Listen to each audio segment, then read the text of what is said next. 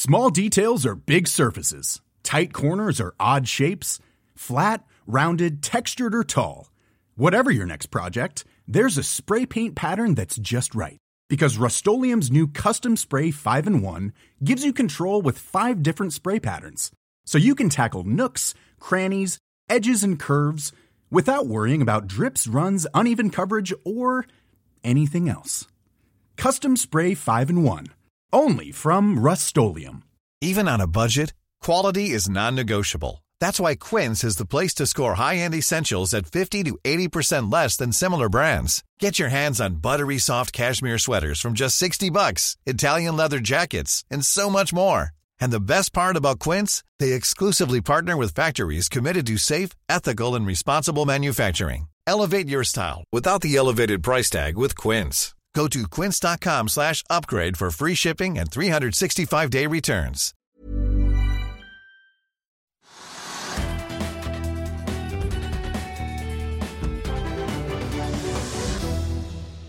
En riktig god mandag og velkommen til en ny uke her hos oss i Finansavisen og Økonominyhetene. I dag så skal vi snakke både om permitteringer i laksebransjen og andre nyheter som preger børsdagen.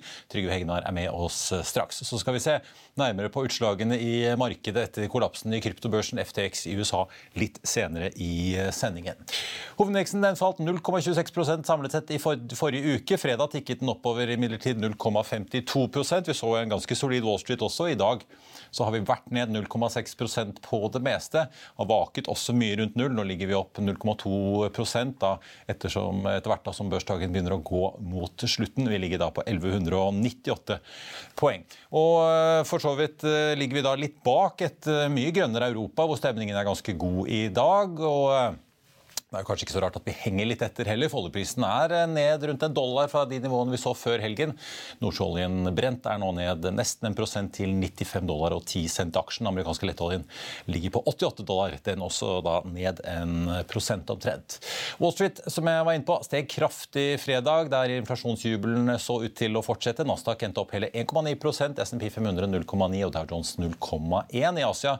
I dag har vi sett en litt mer blandet utvikling, og futuresene peker mot en liten nedgang på Wall Street når markedet åpner der om en snau times eh, tid. Jon Fredriksens Ship Finance er ute med sine tall for tredje kvartal. De kjører nå på med sitt 75. Eh, utbytte på kvartalsutbytte for å si på rad. Nivået ligger uendret på 23 dollarcent per aksje.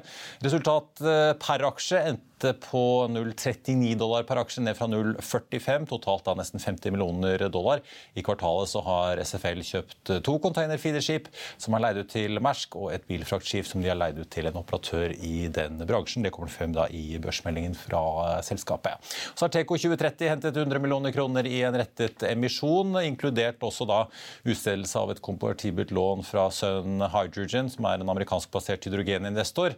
Selve emisjonsdelen av transaksjonen var på 70 50 millioner, og da ble det da gjort til 5 kroner og 42 øre aksjen.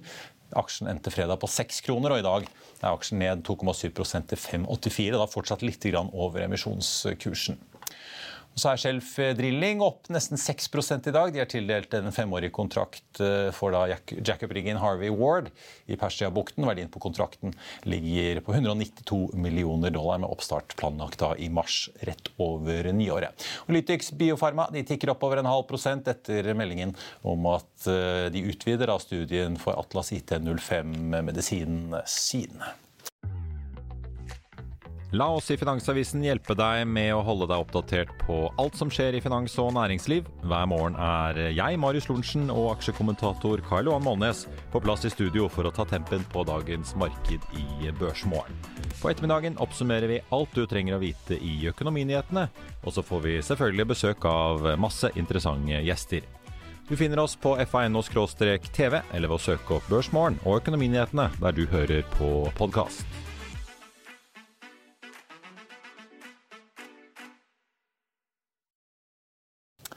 Ja, I dag kom nyheten om at SalMar permitterer 851 ansatte, hvorav 696 kan knyttes til lakseskatten, ifølge selskapet, mens de resterende 155 kommer av sesongmessige årsaker. Dette kommer da etter at Lerøy forrige uke meldte at de permitterer 339 ansatte ved sine foredlingsvirksomheter. Og Romsdal Processing permitterer 94 og Aquagroup 130. Og som Ilax.no rapporterer, også etter at Atlantic Seafood begjærte seg konkurs på eh, fredag. En bedrift altså som eh, driver også innen filetering. SalMar skriver i meldingen i dag at eh, beslutningen deres skyldes i hovedsak at regjeringens forslag til ny lakseskatt har ødelagt markedet for langsiktige fastpriskontrakter. Sitat, Slike kontrakter er vanlig å inngå i god tid før leveranser og er helt nødvendig med tanke på å fylle anleggene med nok bearbeidingsaktivitet. Sitat eh, slutt.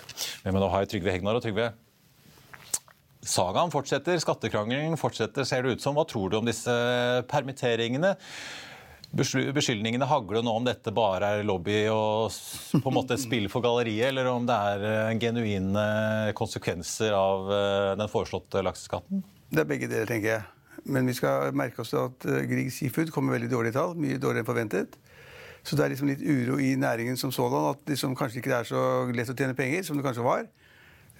Og så kommer da de permitteringene på rekke og rad, og de er klart at Laksenæringen er forbannet. De er liksom opprørt over at den, den nye skatteendringen som kom, tredde ned over hodet på dem. Så det er helt sikkert at noen vil markere at liksom hvis vi får en sånn skatteendring sånn rett før års, årsskiftet omtrent, og den økningen er liksom på 40 det er liksom ikke til å forstå, grunnrentebeskatning, så sier de ok, da, da, hvis vi har noen planer som ikke er banket fast ennå, så tar vi permitteringer. Og så markerer vi overfor regjeringen og politikerne på Stortinget at dette går ikke. Så det ligger noe i det. Men, så har de også rett. De skal jo planlegge. De har liksom hatt kalkyler for de budsjettene de har. altså Nye anlegg og nye investeringer på land og til sjøs overalt. Det er klart, Vi er nå nære liksom årsskiftet, og det er klart at de veldig fleste har laget sine planer for neste år allerede. De ligger der. Og de, de, de regnestykkene hadde de da ikke den, på 40, den ekstra skatten på 40% Så nå blir liksom da skatten 62% istedenfor 22 og det er ganske grovt. Og da er det klart at da er det nok noen styrer som sier at da legger vi de planene på is. Og så ser, ser, vi hva som skjer. og så Når de, måte, når de sier til oss at dere kan ikke planlegge for at vi kan endre skattereglene hele veien, så ok, så hører vi på det. Så endrer vi investeringsplanene, tar volumene ned og er litt mer forsiktige. Så jeg tror det er absolutt en realitet i at de er overrasket og forbannet. Og så tror jeg også det er litt sånn at vi markerer ganske kraftig slik at de skal gjøre noe. Og så vidt jeg har forstått, så har Venstre nå kommet ut og sagt at man bør utsette den nye skatteordningen til 1.1.24. Så det er et, altså Presset virker litt, da. Men finansministeren eh, han har sagt at det kommer ikke på tale, endrer ingenting. Det skal bli akkurat som vi har hatt til hittil. Ja. Og det er litt dumt, da, for nå ligger Senterpartiet på en eh, oppslutning på rundt 5-6% Arbeiderpartiet på 16,9? Ja, ja og, men Senterpartiet skal liksom da være land, altså kystens og landsdel, nord, nordlige landsdelsparti. Og her har de fått liksom alle ordførerne på rekke og rad over hele kysten mot seg. Samtidig med at regjeringen har da 16,9 på Arbeiderpartiet. Eh, og, og, og, Arbeiderpartiet og Senterpartiet sammen er under oppslutning om Høyre for tiden. slik at nå kan egentlig disse ordførerne langs kysten velge. da. Skal de liksom da være med laksenæringen og si at dette er forferdelig, eller skal de si at vi følger regjeringen? Jeg tror de fleste ordførere er veldig nervøse og helst nå vil da følge, de som er ansatt i laksenæringen. Hvis så mange tusen har liksom varslet permittert, så er det kjempedårlige nyheter for Senterpartiet. Jeg merket meg på debatten så satt Arbeiderpartiordføreren i Ørland, uh, Ågne Undertun, og sa i interne møter får vi beskjed om at det ikke er noe vits å diskutere dette blir vedtatt. Og så sitter andre steder Arbeiderpartiet, også fiskeriminister Bjørnar Skjæran på Helgemorgen og sitter og forsvarer dette her. Så det virker som det er ganske spent internt i Arbeiderpartiet også, dette her. Ikke at nødvendigvis ordføreren er mot en lakseskatt, men innretningen og måten den ble presentert? Ja, det, det, altså Den ble lagt frem veldig dårlig, dårlig, dårlig begrunnet også.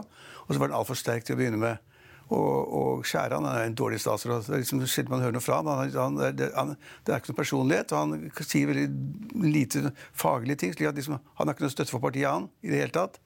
Så nei, altså jeg, Ditt spørsmål var liksom, hva er det taktikk? Er det liksom en måte å bearbeide politikerne på? Er det liksom å markere uh, en holdning til at vi finner oss ikke i å få den type skatteendringer så raskt?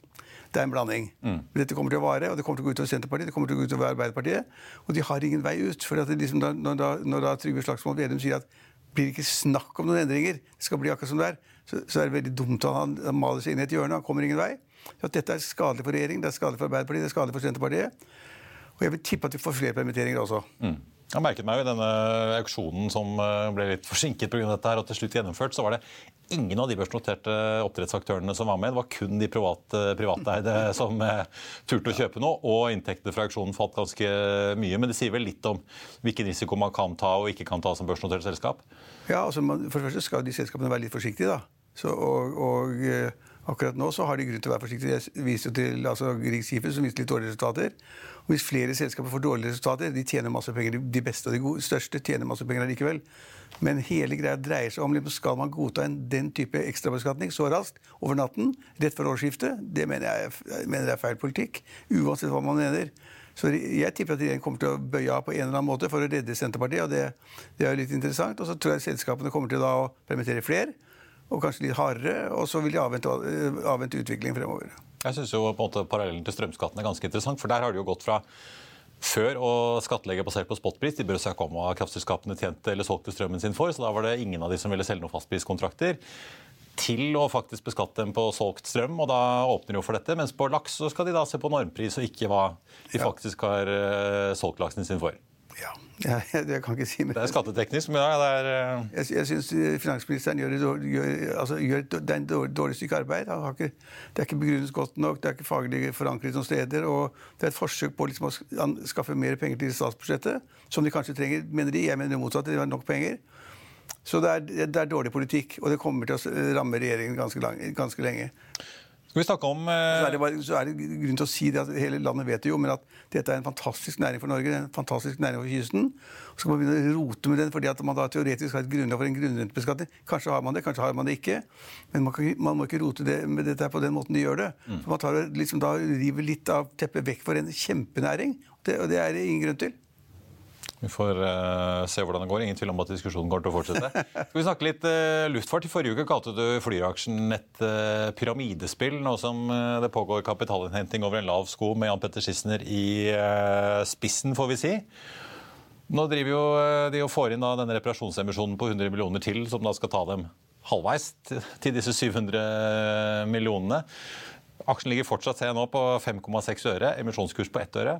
Ja, altså Det er jo en form for pyramidespill. Jeg har satt litt på spissen, da. Fordi en opsjon på at SAS ikke klarer å hente penger? Ja, nei, nei, nei, nei, det er noe merkelig. fordi at altså, Markedsverdien av Flyr i dag altså Kursen er vel ned 25 i dag. og Markedsverdien er vel rundt 37 millioner kroner. Basert på det siste jeg så, 0,5 eller 5 eller 6 øre.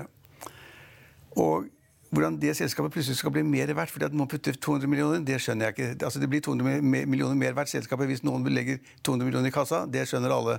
Og så det, skal man da utvide med flere emisjoner, og, og, og, og skal, man skal til slutt da fange kanskje inn 700 millioner kroner. Men selskapet blir jo ikke mer verdt enn det det er verdt i dag, pluss det man betaler inn.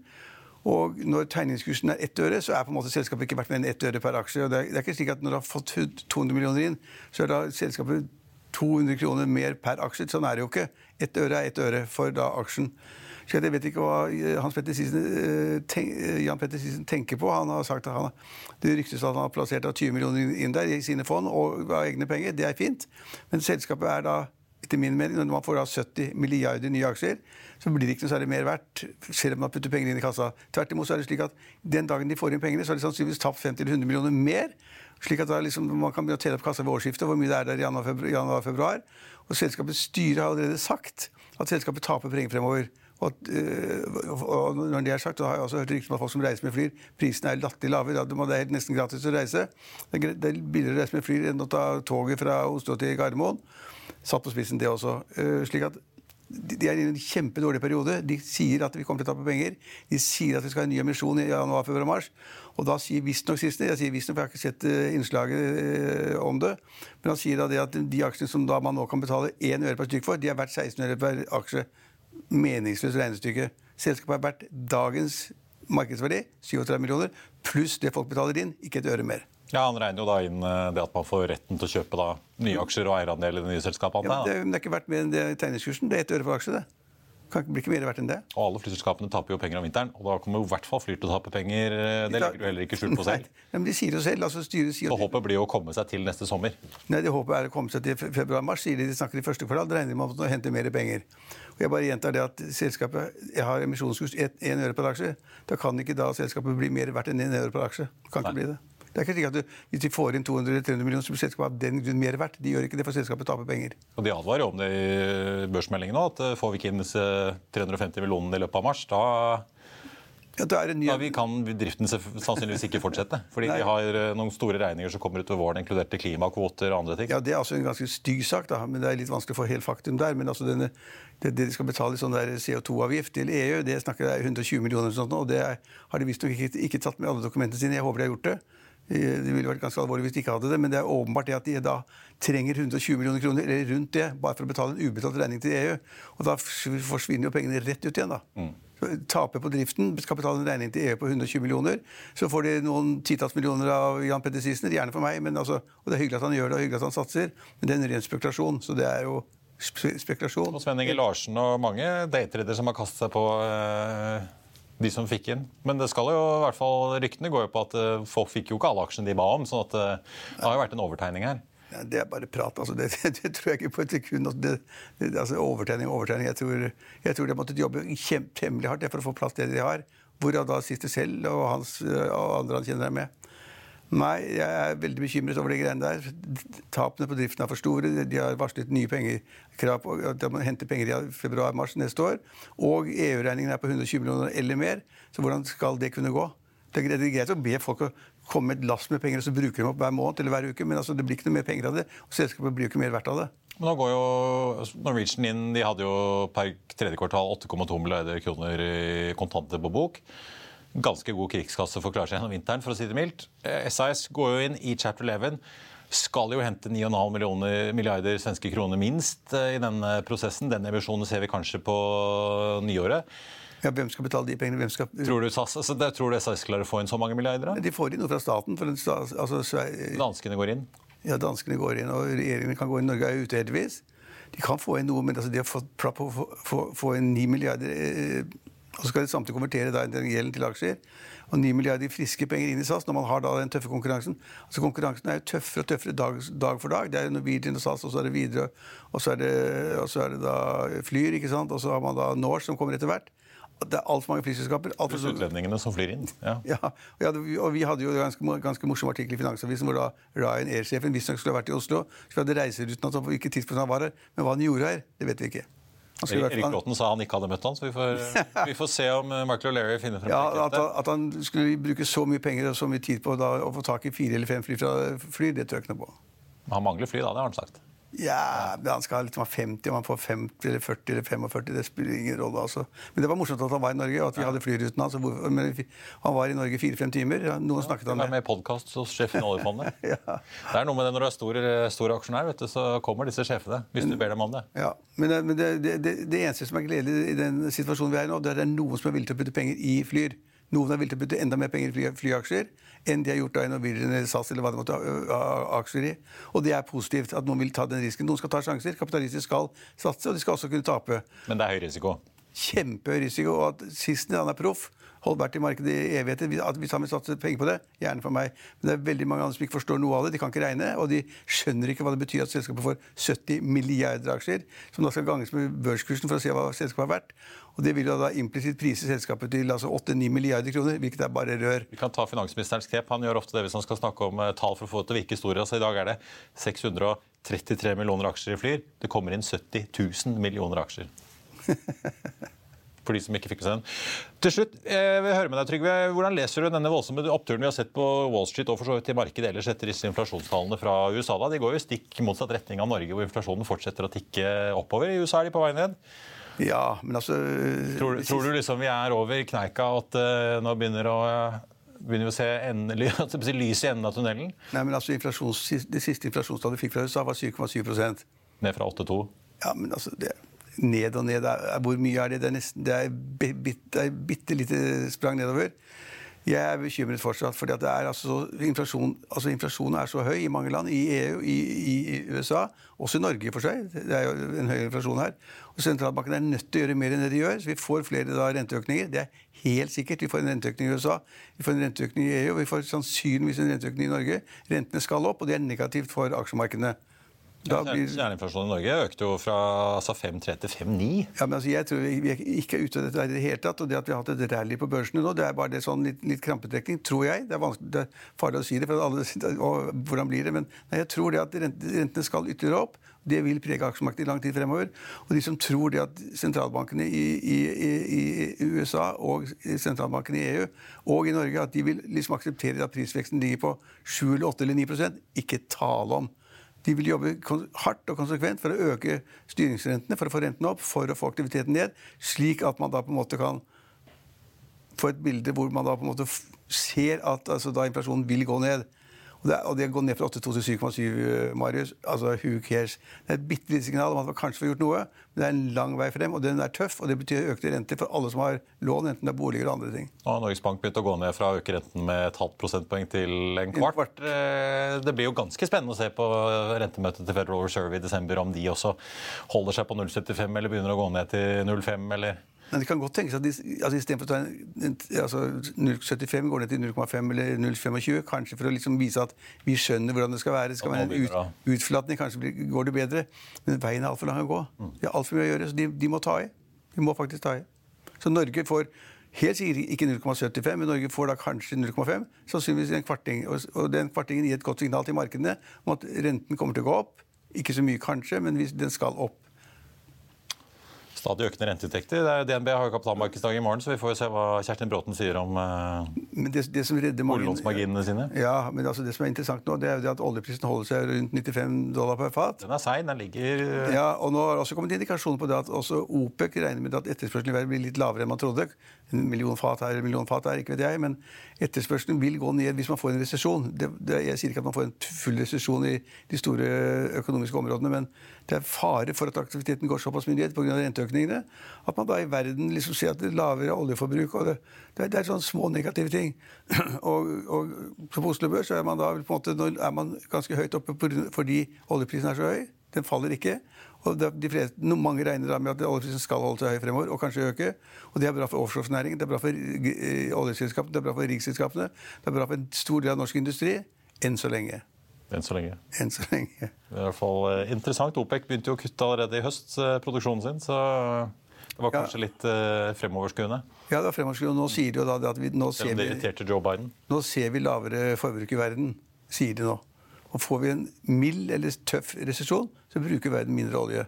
Og det vil gå utover de som er villige til å bruke penger på å, å drille etter olje, og de som skal produsere olje, og de som skal selge olje. Men foreløpig er alle da veldig happy, og det er halleluja. og mange til, og med Doff, som vi var inne på, et selskap som da er i sånn reforhandlinger om lånet lånene sine, de, de hadde problemer i forrige uke.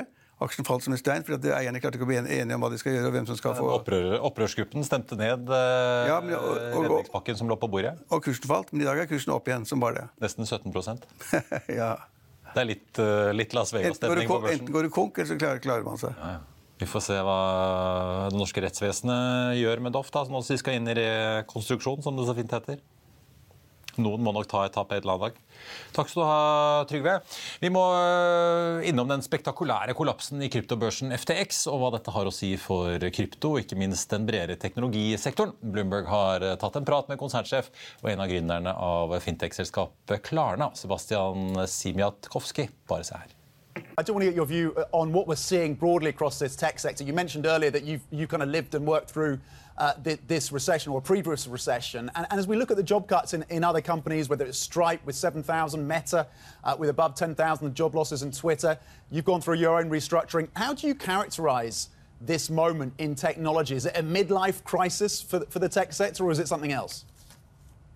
Well, yeah, I mean, I mean, it's fairly obvious that, like, you know, uh, a year ago, investors said, you know, we don't really care about your uh, profitability. We believe in the long-term opportunity, uh, and now it's all about short-term profitability. In our in our case, I've had the advantage that Klarna was profitable for the first uh, 14 years of existence, and only recently did we invest slightly more due to the fact that we wanted to establish ourselves in the U.S. market. So, but but yes, it is obviously a change, and I, and I actually think it's a fairly profound change. But I'm even more uh, slightly concerned about what's happened with you know uh, FTX and, and the things that we've seen over there. Um, it is, you know, for people like myself who've been fairly critical of crypto uh, for a while, it was fairly scary. A year ago, I didn't even bother to talk about it anymore because you would be attacked by people who love crypto so much. It wasn't like even worth uh, talking about it. Now it feels like you know the emperor's clothes are uh, he is naked.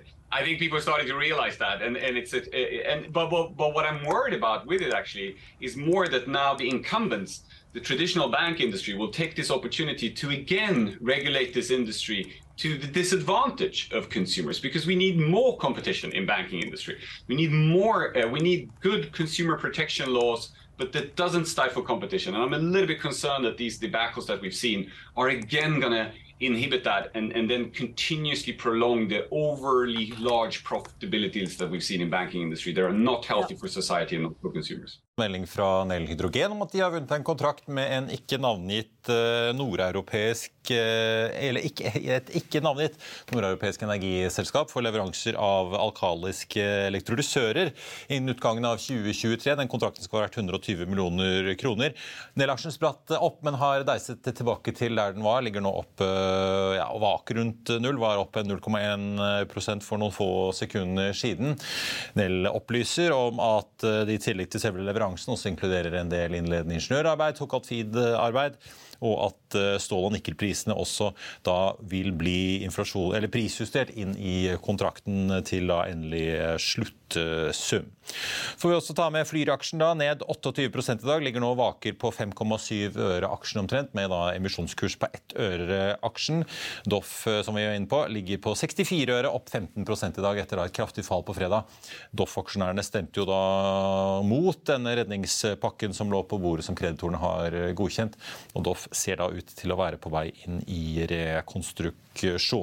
Så ellers så tenkte jeg ellers å bare ta med Hydrogenpro, som vi jo snakket med i forrige uke. De melder jo nå at uh, dette DG Fuels, som de samarbeider med i USA, som skal bygge en fabrikk i Louisiana for uh, da, produksjon av bærekraftig flydrivstoff, nå har sikret seg nok salgsavtaler til hele produksjonen i første fase på 120 millioner gallons per år. Og den aksjen er nå opp 4,7 Hydrogenpro også, som skal levere utstyr inn til denne fabrikken. Så har vi DNO, da, oljeselskapet hvor Arctic Securities kutter kursmålet litt, 20-18 18 kroner gjentar kjøp. Den aksjen ligger på 13,41, ned 4,3 i dag. Aker BP en annen aktør i oljenæringen ned 1,2% med Equinor opp 0,7 og hvis vi ser ellers på mest omsatt-listen, så har vi Hydro på andreplass ned halvannen prosent. SalMar på tredjeplass opp da en halv prosent før vi har Aker BP. Så har vi Golden Ocean som ligger opp 2 Flyr er den aksjen som faller aller mest i dag. Doff er den som stiger aller mest i dag. Og så får vi også ta med at hovedindeksen nå ligger så vidt i grønt, 0,05% med en oljepris som ligger ned prosenten til da 94,90 80. Amerikanske lettoljen på 87,80. Også den ned da en eh, prosent eh, så langt. Carnegie tar og nedjusterer kursmålet på Arendals Fossekompani ganske mye, fra 320 til 261. Beholder sin holdanbefaling. Den aksjen ligger nå og vaker på 234,50, ned 2,3% i dag. I Finansavisen i morgen så kan du lese Trygve Egnars leder om at Norge må gjøre som Qatar. Du kan lese om Eiendom Norge, som mener Finanstilsynet bryter regelverket. Så blir det børsintervju med langkredittforvalter Truls Haugen. Og så blir det mer om kursfallet til MPC Container og masse masse mer økonomi og børsstoff. Og nå som vi er ved veis ende av denne sendingen mandag 14.11, så kan vi også si at børsuken er ordentlig i gang. Vi håper du er med oss i morgen tidlig 08.55 i Børsmorgen og deretter 14.30 i Økonominyhetene. Siste nytt får du som alltid på F1 og uansett når du måtte ønske. Takk for at du så på. Ha en riktig fin dag videre. Vi ses.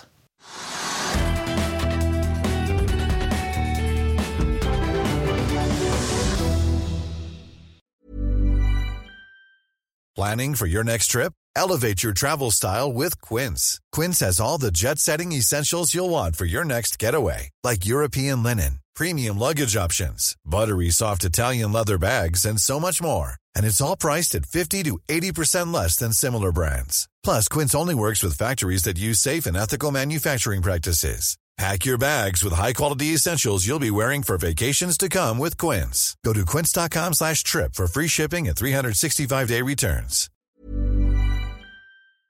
Økonominyhetene er en podkast fra Finansavisen. Programledere er Marius Lorentzen, Stein Ove Haugen og Benedikte Storm Bamvik.